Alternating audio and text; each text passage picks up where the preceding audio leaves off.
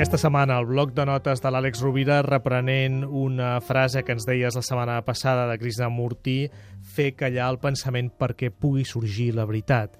El silenci, Àlex, ben retrobat. Gràcies tal, per tornar a l'ofici de viure. El silenci almenys tenim, no? Una miqueta. Sí, ho parlàvem, ho parlàvem no fa massa, Gaspar, i efectivament vivim en un... Recordem el que deia Raymond Paniker, no? Vivim en un món on es valora la velocitat i l'acceleració i volem fer créixer el roser estivant de les seves fulles. Vivim en un món on es valora molt més la intensitat que la profunditat i on considerem que allò que té valor sovint és allò que és estrident, que té soroll. Només cal mirar els programes de màxima audiència de les televisions eh, privades que hi ha en aquest país, per exemple. No? Sembla que allò que té a veure amb la serenitat, allò que té a veure amb el silenci, allò que té a veure amb la contemplació, amb el repòs, amb la introspecció, amb l'autoindagació, no té valor perquè ens eh, comporta enfrontar-nos amb quelcom que no tenim eines, que no ens podem donar una eina material per, per, per, per afectar-ho, per tocar-ho, i a més que no ens han educat a com manegar-ho. I precisament qualsevol persona que es dediqui a una tasca creativa sap que un dels territoris més fèrtils per a la creació és el silenci.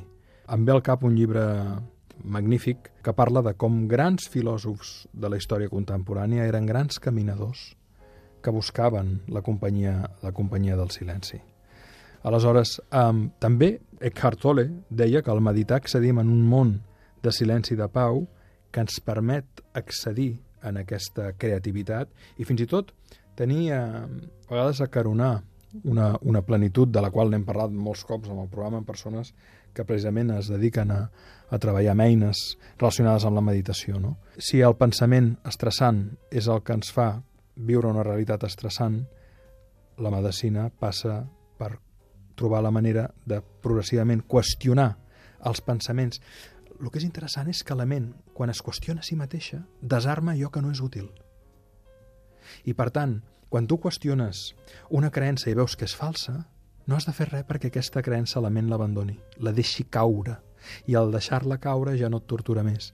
Perquè crec que hi ha un problema. Sovint pensem que arribem en el silenci de la ment a través de quedar-nos en silenci. I el que tenim és un casino.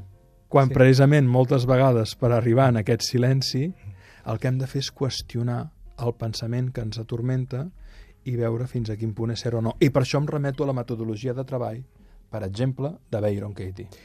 Pel que fa al fet de voler deixar de pensar, no necessàriament porta bons resultats. Hi ha la teoria de l'esforç invertit d'Alan Watts, que serviria per tancar una mica aquesta secció. Magníficament. Recordem que en el seu llibre amb la saviesa de la incertesa, la sabidoria de la inseguretat, la saviesa de la incertesa, comença parlant d'aquesta teoria de l'esforç invertit, on ens diu que precisament si tu no saps nedar i caus a l'aigua, tu ofegaràs amb enorme facilitat si no pares de bellugar-te perquè buidaràs els pulmons d'aire i amb el mateix moviment dels braços tendiràs a enfonsar-te, però que si et relaxes o mantens una certa calma i per tant tens els pulmons ple d'aire, això farà l'efecte globus que et mantindrà en flotació. El mateix passa amb la ment. Quan més pressionem per fer-la callar, més xerra.